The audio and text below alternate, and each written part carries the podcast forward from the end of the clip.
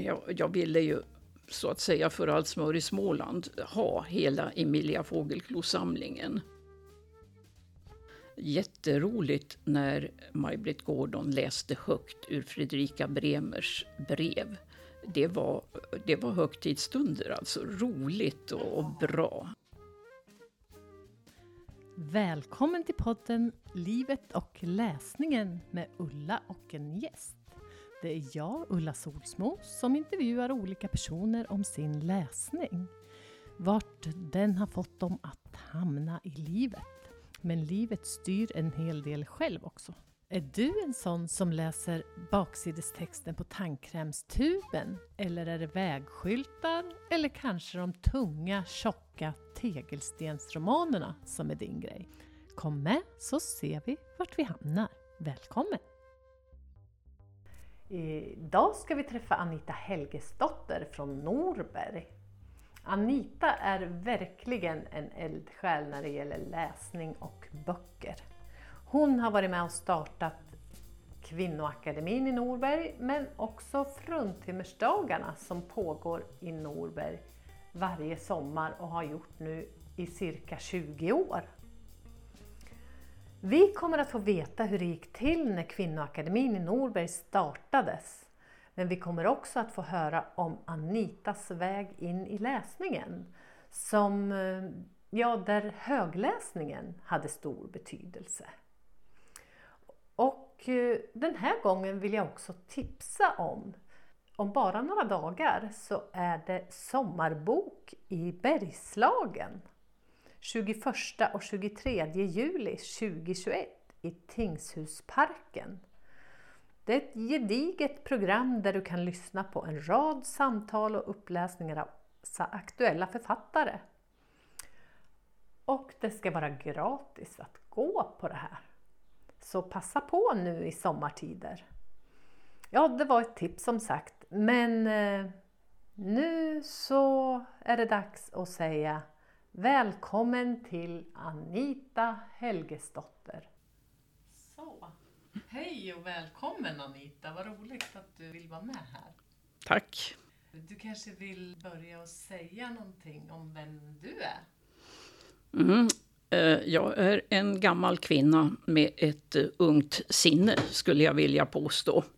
Men eh, när det gäller läsning, som vi ju ska prata om, så kan jag väl säga att det har jag sysslat med sen jag lärde mig läsa. Men jag var inte extra tidig, utan jag lärde mig läsa i skolan faktiskt som sjuåring. Och det betyder att det faktiskt är 73 år sedan. Eh, det var ganska enkla saker i början. Det var förstås eh, vill du läsa Elsa Beskow-böckerna som jag tyckte väldigt mycket om, som vi hade i skolan. Och som jag fortfarande gillar. Faktiskt ett väldigt bra sätt att börja läsa. Du vet det där med o, mor, orm och så vidare. Mm. Och fina bilder. Och så blev det ganska snart mer och mer text. Och det var väldigt, väldigt bra tycker jag.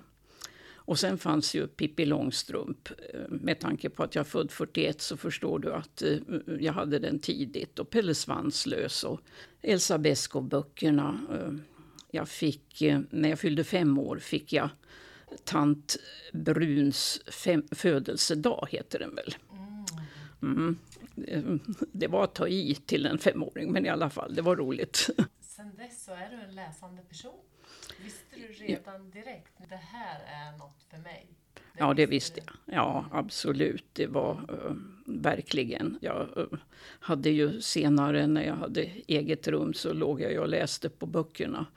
Det var huvudsakligen Maria Lang och sådär, men jag läste långt in på natten. Mm. För jag ville bli klar med boken. Och uh, böcker betyder helt enkelt mycket för mig. Ja, jag vet ju att du har flera rum fyllda med böcker. Ja, och du tänker på, på att eh, vi har någonting som kallas för Kvinnoakademin i Norberg som äger en boksamling.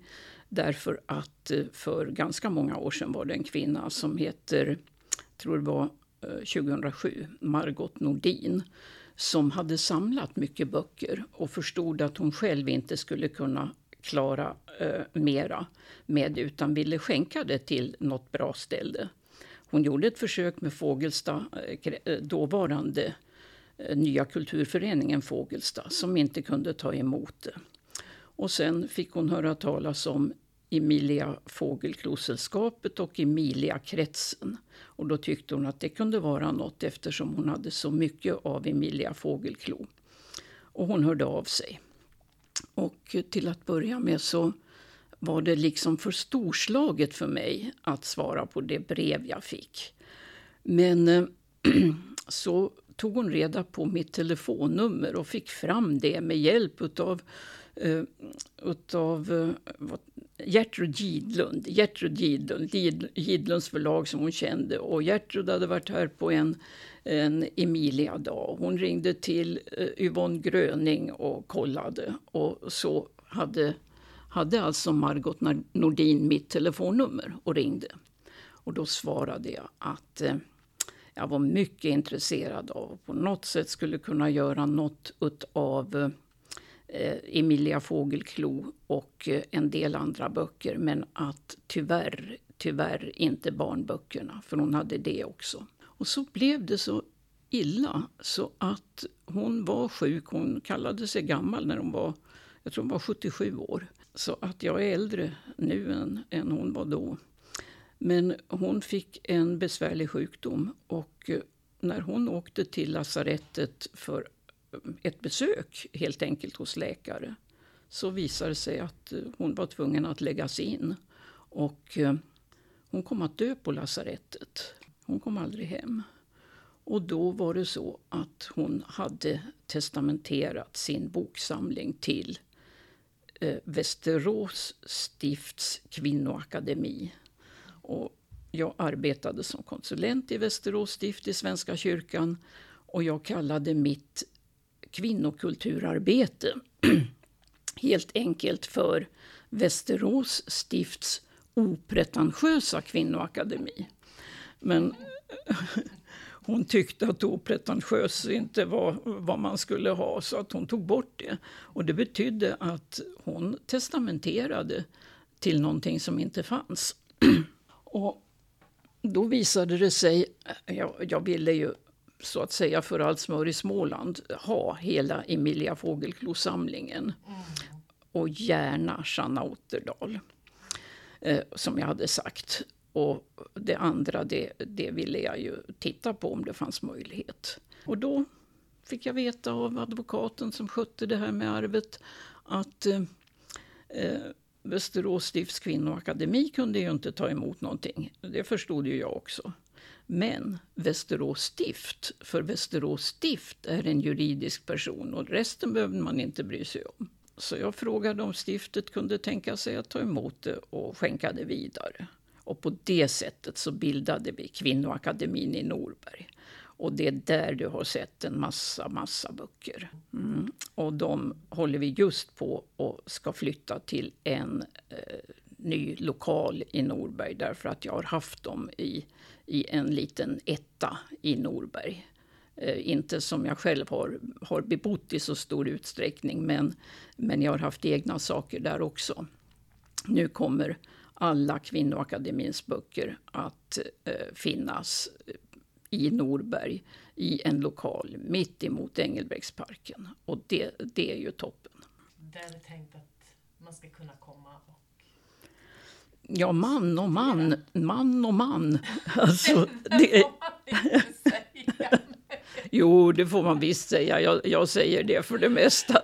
Men, men just nu blev det lite, lite roligt eftersom eh, män i, i mindre utsträckning får vara eh, medlemmar. Och, eh, Eh, visserligen får de givetvis komma in vid vissa tillfällen, men, men det är för kvinnor. Alltså litteraturen är eh, av och om kvinnor. Mm. Av och om svenska kvinnor som har skrivit böcker och som det har skrivits om. Ja, det är ju en stor stolthet för hela Norberg att det finns här och att du har tagit tag i det. För det är ju ett väldigt stort jobb med det där. Alltså mycket stolthet för Norberg är det väl inte, men, men roligt för en del. Och vi har ju, det vet ju du, att vi eh, hade, när vi inte kunde vara i den lilla lägenheten så uh, frågade jag ju om vi kunde vara på biblioteket i Norberg och, och träffas och läsa just uh, den litteratur som finns av uh, svenska kvinnliga författare. Mm. Och det har vi hållit på med nu i mer än tio år. Mm. Men vi träffas fortfarande och flera som var med från början. Mm. Och vilka eh, författarskap är det ni har hunnit med? Mm, mm. Ja, det är många. Eh, vi började ju med Elin Wägner för att det var ett sånt jubileumsår. Vi har läst eh, Selma Lagerlöf, vi har läst eh, det har vi läst i ett par omgångar, olika böcker av Selma Lagerlöf förstås. Vi har läst eh, Barbro Alving. Vi har eh, med stor förtjusning läst vi Barbro Alving. Vi har läst eh, Fredrika Bremer. Jätteroligt när Maj-Britt Gordon läste högt ur Fredrika Bremers brev. Det var, det var högtidsstunder, alltså roligt och, och bra. Ja, vi har, vi har alltså valt inte, att inte läsa mer än någon enstaka nu levande författare. Av det enkla skälet att den som lever kan prata för sig själv. Men eh, de döda, då finns det skrivet om dem också. Så därför så har vi läst Bodil Malmsten för inte så länge sedan till exempel. Eh, men eh, och vi läser givetvis eh, ny litteratur också, vi får prata om det. Men, men det är inte det gemensamma egentligen, utan vi försöker att titta, vad ska vi hitta nu? Mm. Eh, väldigt mycket biografier och memoarer har vi mm. läst. Och nu eh, kan jag väl berätta för dig, läser vi Karin Johannisson. Jaha. Du vet Den sårade divan och andra ja. böcker. Så. Ja, och den har inte jag läst. Nej. Men eh, en av deltagarna var väldigt förtjust nu när vi träffades i mm. eh, förra veckan. Och allt det här hänger på att när du började läsa, tänker jag, en läsande människa. En liten grej ja. i det hela, det är ju att vi tillämpade högläsning i mitt föräldrahem. Ja. Och det var en tid när det var tv-fria onsdagar. Och då satt vi i vardagsrummet, mamma, pappa, jag och min lillebror. Aha. Och eh, pappa och jag turades om att läsa. Mm. Och då gällde det att hitta saker som kunde passa alla. Mamma lagade kläder och min bror eh, petade med lite saker. Och han och jag förresten, vi, vi stickade en grytlapp. Vi turades om. men, men då upptäckte jag alltså Barbro Alving. Vi läste kåserier. Jag måste ha varit i 15-årsåldern. Alltså det var inte.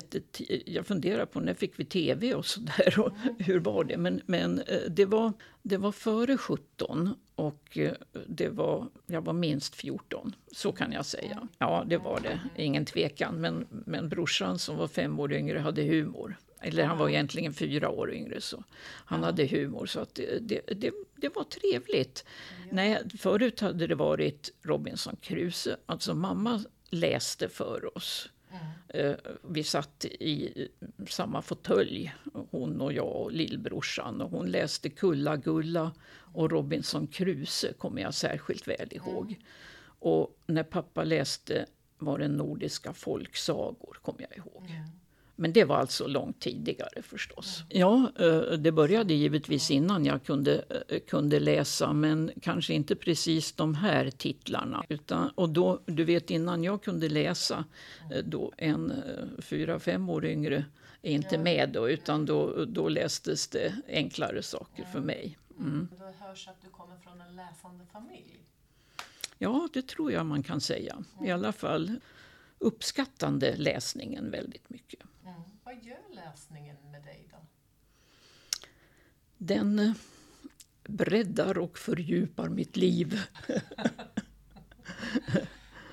Ehm, jag hörde ett föredrag en gång, en kvinna som eh, sa att eh, jag kunde inte som mina studiekamrater resa ut i Europa när jag var ung. Men jag kunde gå till biblioteket och låna en flygande matta. Och så är det ju. Och biblioteket, det var ju tidigt, tidigt kan jag säga, att gå till bibliotek som inte alls såg ut som bibliotek gör nu för tiden. Men roligt var det. Och skolbiblioteket och skolbibliotekarien som eh, när jag är 14 år sätter eh, Hjalmar Bergman, eh, Flickan i frack, i händerna på mig. Ja, det var, alltså Hjalmar Bergman är en av mina favoritförfattare fast det är väldigt länge sedan jag läste honom nu, tyvärr. Han bör läsas om. Vad heter hans andra som gick eh, som följetong i, i tv? Markurells i Vadköping. Jag har vunnit en enda bok i, när jag skickade in någonting till en eh, en veckotidning. Och det var Markurells i Vadköping. Mm. Och då hade jag redan läst Flickan i frack så att eh, det var ju precis, det passade mig perfekt. Men Emilia Fågelklo då? Hur, hur mötte du henne? Ja, det är ju lustigt att jag faktiskt mötte henne. Men eh, att eh, det var... Min mamma var damfrisörska. Och när Emilia Fågelklo en tid bodde i Norberg i mm, slutet av 40-talet, eller från 46 till 51 den tiden. Då var hon kund på min mammas damfrisering.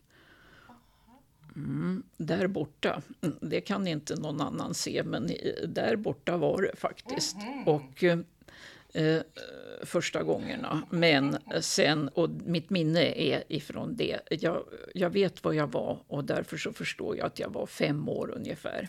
Oh. Var vi bodde. Och jag kom upp på damfriseringen och eh, åt en apelsin som vi hade så kallad barnflicka hemma. Oh. Eftersom mamma jobbade, egen företagare. Och då eh, det såg ut som om jag åt skalet, för jag höll i skalet. Den var skalad upp till. Och, och jag åt direkt av apelsinen förstås och höll i en bit skal. Och då sa tanten som satt i, i kundstolen mm. att det var nyttigt att äta apelsinskal. Jaha.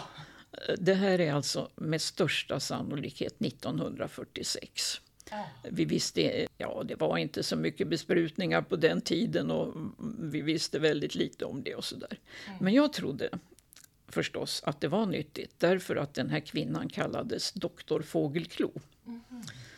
Och därför så trodde ju jag att det var en doktor ända tills jag var över 20 år, ungefär 22 och var hemma och besökte mina föräldrar och satt och lyssnade på ett radioprogram i vardagsrummet när mamma stökade i köket. Mm. Så öppnade hon dörren och sa Nej men det här är ju Emilia Fågelklo. Nej, sa jag, det är en teolog. Ja, sa mamma. Mm. så, så kan det vara. Mm. Ja. Mm. Men sen då? Sen då? Eh, jo, hon hade ju en god vän här i Norberg i Högfors som hon bodde hos. Florrie Hamilton. Dotter till Hugo som skrev de här härliga nonsensverserna. Och hon, eh, Florrie Hamilton, hon var ju mera hos min mamma. Kom tillbaks efter att ha varit borta ett tag, men när hon blev äldre och fick, eh, eh eller skruppligare också, och fick eh, färdtjänst. Då kom hon till damfriseringen och då eh, frågade hon mycket efter mig och vad jag gjorde. Och på det sättet så eh, blev det så att någon gång när jag var hemma på besök så fick jag träffa Florrie Hamilton. Och kom att, ja, att, att eh, bli lite vän med henne helt enkelt. Och eh, det är ju... Alltså hon var ju också en läsare. Det visade sig sen när jag var på besök hos henne en gång. Det var inte så hiskeligt många gånger. Men en gång så talade hon om att hon hade översatt en, någon bok ifrån italienska. Mm, och sa att jag kunde titta i bokhyllan. Eh, för hon såg inte själv. Hon eh, hade ett öga var bortopererat. Hade ett eh, porslinsöga kallades det. Och det andra såg hon mycket, mycket lite med. Och jag gick ju och tittade men det var så inne i vassen mycket böcker på Högfors herrgård. Så att uh, kunna hitta den, det gick inte. Men jag har hittat den. Mm. För att eh, när jag började titta i datorer efter böcker och började köpa på antikvariat den vägen. Då fick jag se att eh, Olof Lagerkrans bibliotek var utlagt, alltså hela hans boksamling. Och då tittade jag där och hittar alltså av en händelse boken I fängelse som är översatt av Florrie Hamilton.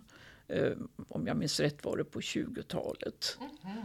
Och eh, ja, det var så att eh, jag förstås började söka den antikvariskt och hittade den och har köpt den. Och du har läst den? Ja, ja. Eh, och det är en, en eh, gammal intressant berättelse som jag inte ska, eh, ska dra här tror jag. Men den som är intresserad av eh, hur det kan vara att hamna i fängelse i Italien för flera hundra år sedan. Mm. den, den kan läsa den. Men eh, för mig var det ju något alldeles extra eftersom det var Florrie som hade valt, eh, valt att översätta den. Mm. Det visade sig att den hade kommit ut också i Finland faktiskt. Mm. Mm. Jag tänker också på att du har ju i hela ditt yrkesverksamma liv jobbat med mm. barn och läsning. Ja. Och gjort mycket för att vara en inspiratör för andras läsning. Eh, menar du att vi har Eh, Eh, vi har i Röda språktråden i Västerås som var Annie Anne Ljungdahls idé. Eh, där jag var med och jobbade så ehm, hade vi väldigt bra föreläsare och mm, ganska stora samlingar ett tag för förskollärare och lärare framför allt och ledare i kyrkans barnarbete. Det var ju kyrkan som var min, min plattform men, men jag menar att språket är så viktigt överhuvudtaget för människor. Och jag menar att vi kan lära oss så mycket genom att läsa mycket. Och läsa olika. Alltså, först handlar det om att lära sig läsa, att bli en, en van läsare. En van och glad läsare. Ja. Tycker jag.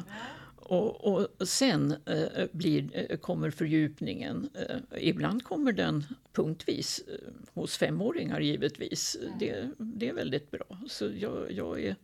Alltså, tänk på eh, Gunilla Bergströms böcker. Mm. Hur mycket som finns i Alfons Åberg. Mm. Det, ja. Och det här är, är otroligt viktigt. Och jag tänker nu, sa jag att mamma läste Kulla-Gulla för oss? Ja, det sa jag. Vad bra. Kulla-Gulla och Robinson Crusoe var de största upplevelserna då, på den tiden. Jag har alltså läst om Kulla-Gulla. Mm. Det, eh, jag förstår ju att eh, inte så många unga barn, människor idag, läser Kulla-Gulla. Men jag tror att det inte skulle skada att läsa en och annan sån bok också. Jag är beredd att hålla med dig. Och dessutom så kom de ju ut på nytt förra sommaren. Ja, precis. Så det kanske är lite lättare att få göra reklam för dem idag.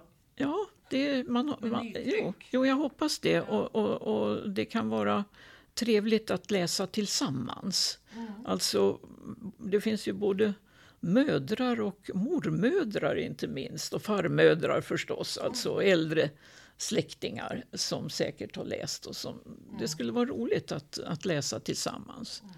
Och något annat som har kommit ut nyligen, mm. vet du vad det är då? Nej, berätta. Pella.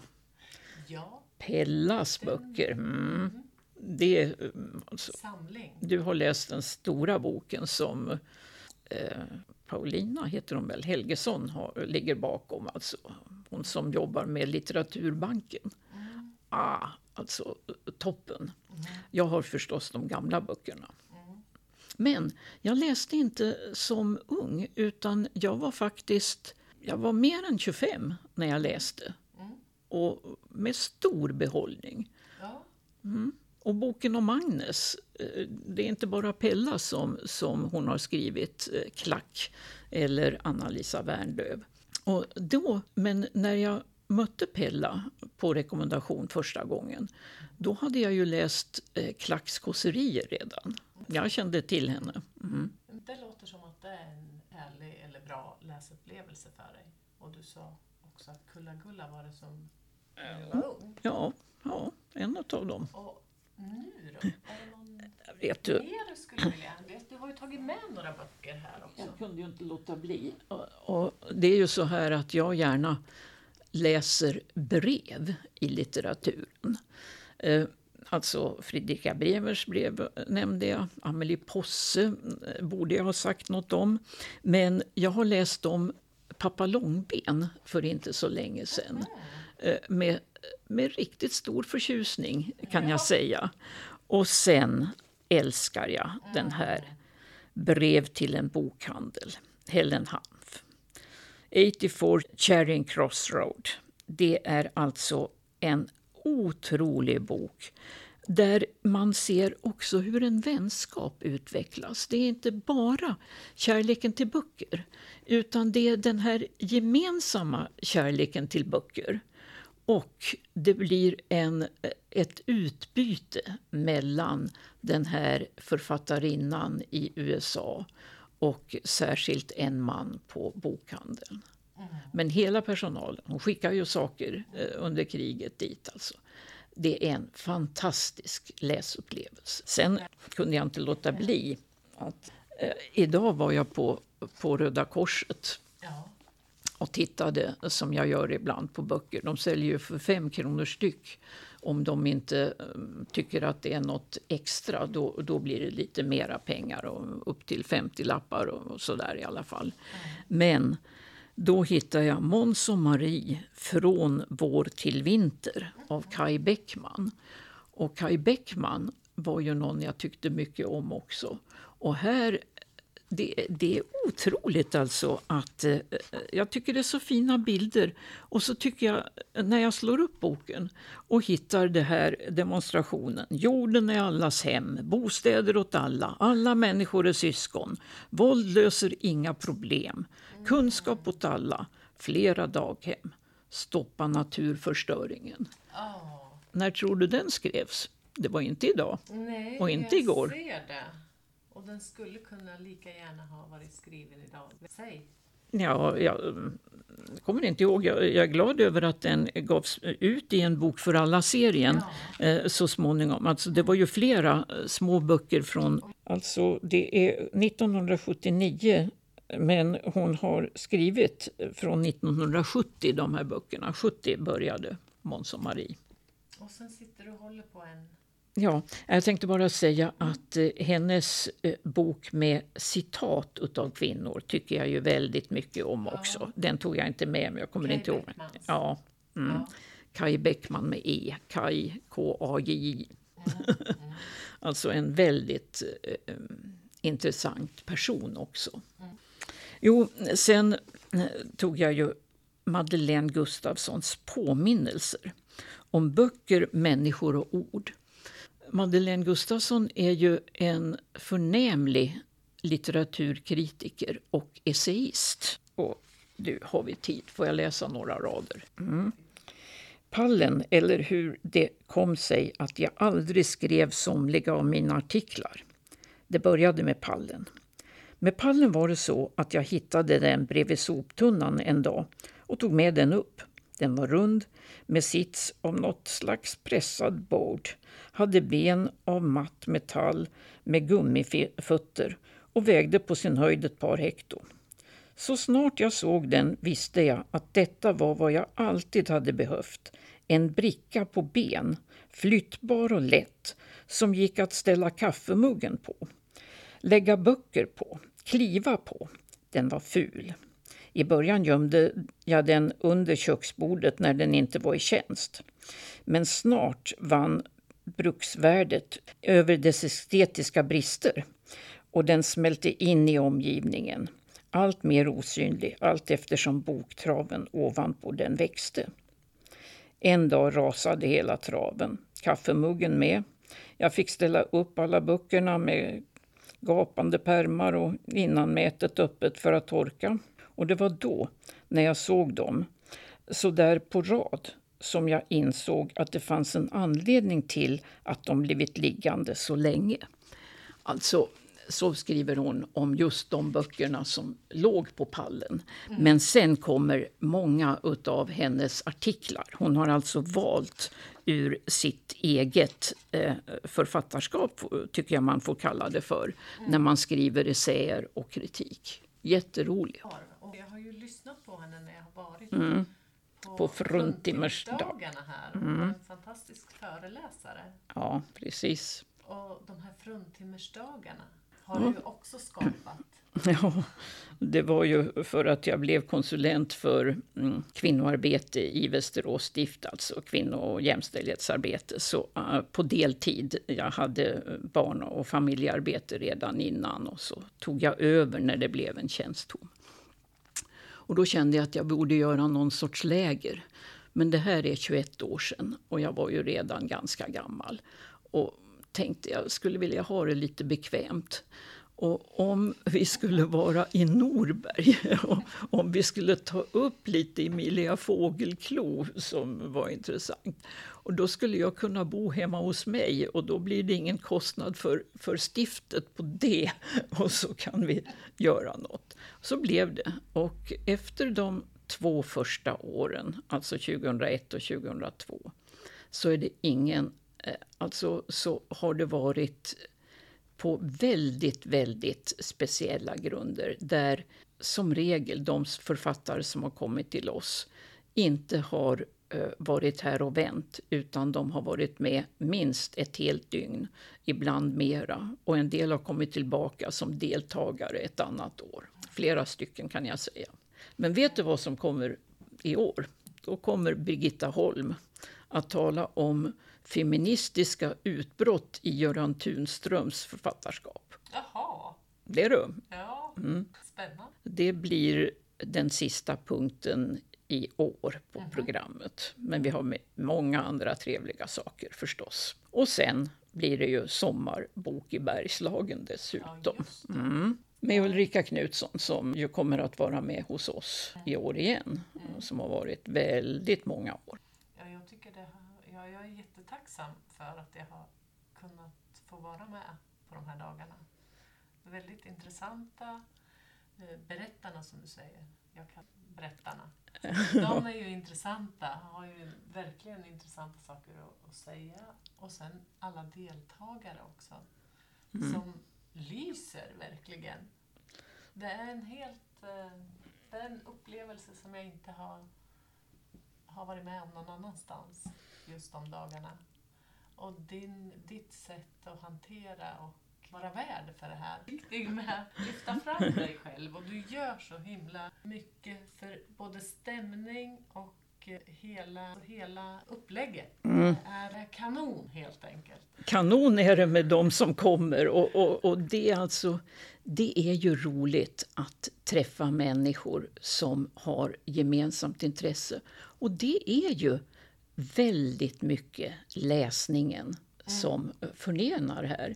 Därför att eh, det tar ju upp det här med konst också och musik är viktigt under de här dagarna.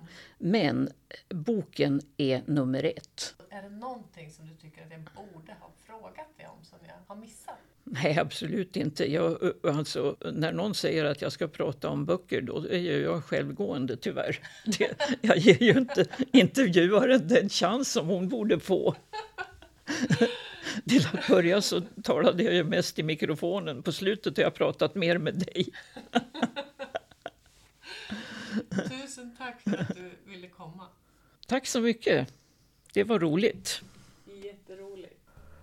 Tack för att du har lyssnat på dagens avsnitt.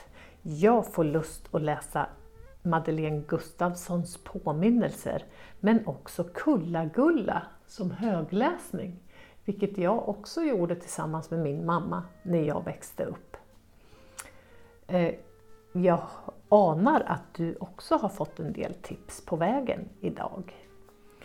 Eh, glöm inte att åka till Norberg och sommarbok i Bergslagen 21 till 23 juli 2021 i Tingshusparken.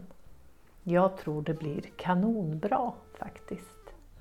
Och du får inte glömma bort att gå och fika på Elsa Anderssons om du är i Norberg.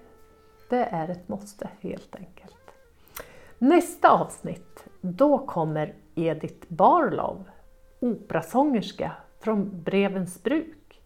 Hon har flyttat ända från Australien till Brevens bruk faktiskt. Det blir ett intressant avsnitt, så missa inte det. Hej så länge!